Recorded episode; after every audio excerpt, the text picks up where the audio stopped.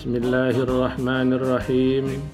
Assalamualaikum warahmatullahi wabarakatuh. Saya Haji Musim Kepala Kantor Kementerian Agama Kabupaten Sumbawa Barat. Program Bahasa Totang ini merupakan salah satu sarana dalam memberi bimbingan keagamaan kepada masyarakat khususnya di Kabupaten Sumbawa Barat ini. Semoga kiranya program Bahasa Totang ini bisa diterima dan bermanfaat bagi masyarakat. Selamat menikmati. Wassalamualaikum warahmatullahi wabarakatuh.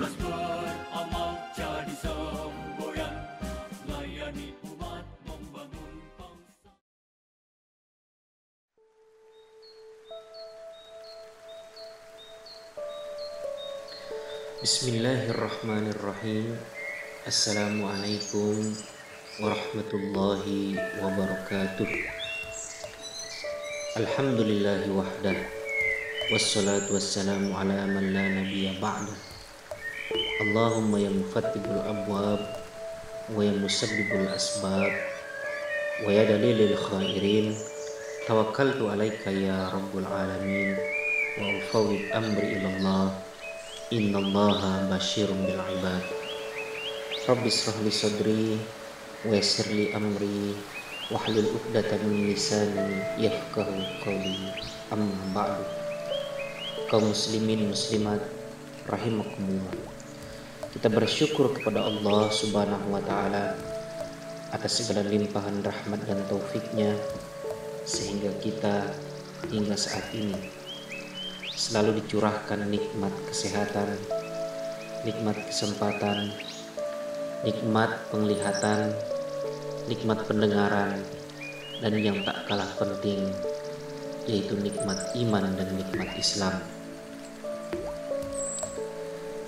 Segala jenis nikmat yang Allah telah berikan atau yang telah Allah anugerahkan kepada kita haruslah berakumulasi kepada satu tujuan atau muara yaitu untuk meningkatkan ibadah, keimanan dan ketakwaan kita kepada Allah Subhanahu wa taala. Salawat beriring salam semoga selalu tercurahkan kepada junjungan Nabi besar kita Muhammad sallallahu alaihi wasallam. Rasul yang telah membebaskan manusia dari belenggu belenggu kesyirikan menuju kepada manusia yang bertauhid yang mengenal Allah Subhanahu wa taala kaum muslimin rahimakumullah perkenalkan nama saya Sofian Hadi penyuluh non PNS Kecamatan Taliwang Kabupaten Sumbawa Barat. Pada kesempatan ini izinkan saya untuk menyampaikan sebuah nasihat singkat yang berjudul berislam pada tingkat ihsan kaum muslimin rahimakumullah. Dikisahkan suatu saat salah seorang sahabat yang bernama Sa'ad bin Abi Waqqas. Ketika itu dia melihat ada sesuatu yang berbeda yang dilakukan oleh Rasulullah Sallallahu Alaihi yang mana saat itu Rasulullah sedang membagikan sesuatu kepada para Arab Badui namun anehnya sesuatu yang dibagikan oleh Rasulullah SAW kepada orang Badui tersebut ada yang mendapatkan bagian kemudian ada juga yang tidak mendapatkan bagian. Hal ini kemudian memancing daripada saat bin Abi Waqqas untuk bertanya kepada Rasulullah SAW tentang peristiwa tersebut Kenapa Rasulullah tidak membagi secara adil atau secara merata apa yang dibagikannya? Kemudian sahabat tersebut bertanya kepada Rasulullah Sallallahu Alaihi Wasallam, wahai Rasulullah, mengapa engkau memberikan sebagian dari mereka? Dan ada juga yang tidak engkau berikan sebagian kepada mereka. Demi Allah, saya menganggap mereka adalah orang yang mukmin. mendengar pertanyaan daripada saat bin Abi Waqqas kemudian Rasulullah Shallallahu Alaihi Wasallam menjawab Jangan mengatakan dia seorang mukmin, tapi katakan bahwa dia seorang muslim. Kaum muslimin rahimakumullah. Dari kisah ini yang disinyalir kemudian turutlah turunlah firman Allah Subhanahu wa taala. Quran surat Al-Hujurat ayat ke-14 yang berbunyi A'udzu billahi minasyaitonir rajim. Bismillahirrahmanirrahim. Qalatil a'rabu amanna. Kullam tu'minu walakin qulu aslamna walamma yadkhulul iman fi qulubikum. Orang-orang Arab Badui itu berkata, "Kami telah beriman." Katakanlah, wahai Muhammad, kamu belum beriman, tapi katakanlah kamu baru berislam karena iman itu belum masuk ke dalam hatimu. Kaum muslimin rahimakumullah. Dari kisah di atas kemudian yang disinyalir disinyalir dengan firman Allah Subhanahu wa taala maka dapat kita mengambil sebuah ibrah bahwa semua orang yang telah menjadi muslim atau berislam tidak secara otomatis dia akan meningkat keimanannya menjadi seorang yang mukmin. Ketika orang tersebut telah membacakan syahadat dan bersaksi atas nama Allah Subhanahu wa taala dan rasulnya, maka pada saat itu telah ada atau baru ada secercah keimanan dalam hati dia. Tapi belum dapat disebut sebagai mukmin ia harus menjalankan rukun-rukun Islam yang lain yaitu sholat, puasa, zakat, dan haji jika ia mampu. Hal ini kemudian berarti bahwa berislam itu beribadah dengan amalan-amalan yang dimulai dengan syahadat dan diikuti oleh empat rukun lainnya yaitu sholat, zakat, puasa, dan haji. Amalan-amalan ini disebut dengan ibadah mahdoh atau ibadah murni. Dinamakan ibadah mahdoh karena murni mengikuti syarat dan rukun yang ditetapkan oleh Allah Subhanahu wa taala dan tidak ada tempat untuk hamba berkreasi. Maksud dari kata tidak ada tempat untuk hamba berkreasi di sini adalah bahwa hal tersebut tidak boleh ditambah ataupun dikurangi syarat dan rukunnya.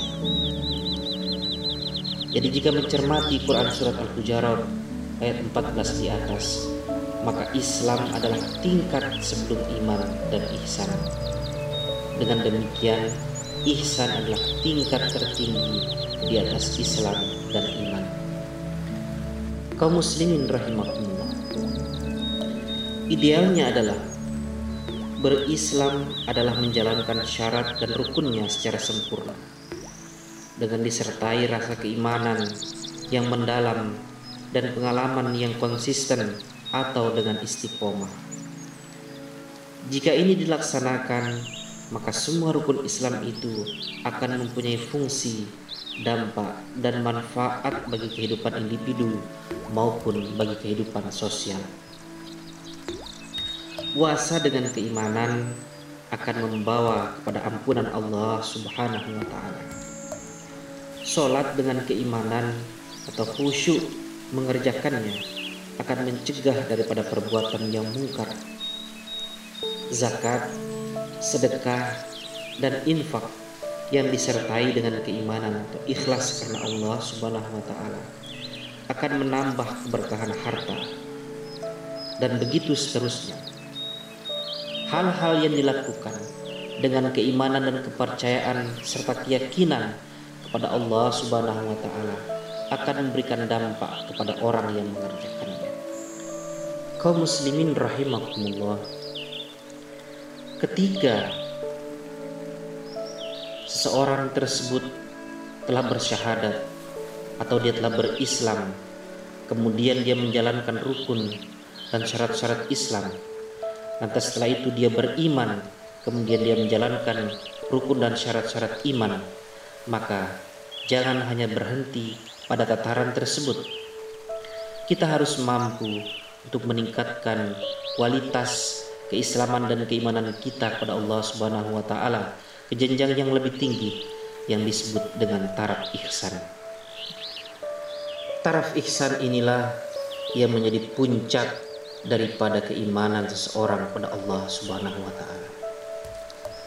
Orang yang sudah berislam di tingkat di tingkat ihsan adalah orang yang 24 jam semua amal ibadahnya dijaga ataupun dalam lindungan dan pengawasan Allah Subhanahu wa taala. Tidak ada tempat baginya untuk bersembunyi daripada amal yang diperbuatnya. Kaum muslimin rahimakumullah. Karenanya, orang yang berislam di tingkat ihsan adalah orang yang 24 jam semua amalan yang dilakukan di hadapan Allah Subhanahu wa taala dan akan selalu di bawah pengawasan daripada Allah Subhanahu wa taala. Tidak ada kesempatan, tidak ada tempat untuknya untuk melakukan hal-hal yang tidak dicintai oleh Allah Subhanahu wa taala. Tidak ada tempat dan kesempatan serta tidak ada waktu baginya untuk melakukan hal-hal maksiat, hal-hal yang termasuk dalam dosa-dosa besar, hal-hal yang akan menggugurkan pahalanya di sisi Allah Subhanahu wa taala. Kaum muslimin rahimakumullah, maka orang yang berislam dalam tingkat ihsan yaitu orang yang taraf keimanannya adalah berbentuk dalam perilaku. Yang mana perilaku tersebut tercermin dari tingkah lakunya baik itu secara individu maupun secara sosial. Sebab dia mengetahui bahwa ihsan adalah antak budallah ka'annaka taro fa illam takun tarahu fa innahu engkau beribadah kepada Allah Subhanahu wa taala seolah-olah seakan-akan Allah seakan-akan engkau melihat Allah Subhanahu wa taala dan kalau seandainya engkau tidak dapat melihat Allah Subhanahu wa taala sesungguhnya Allah melihat kaum muslimin rahimakumullah. Dengan demikian maka berislam beriman dan berihsan merupakan totalitas daripada pembuktian keimanan keislaman dan keisanan kita pada Allah Subhanahu wa taala yang dengan semuanya apa yang kita perbuat dan akan yang, yang kita lakukan semuanya akan lebih menjadi catatan Allah Subhanahu wa taala. Demikianlah apa yang dapat saya sampaikan. Kurang lebihnya saya mohon maaf. Billahi taufiq wal hidayah. Wassalamualaikum warahmatullahi wabarakatuh.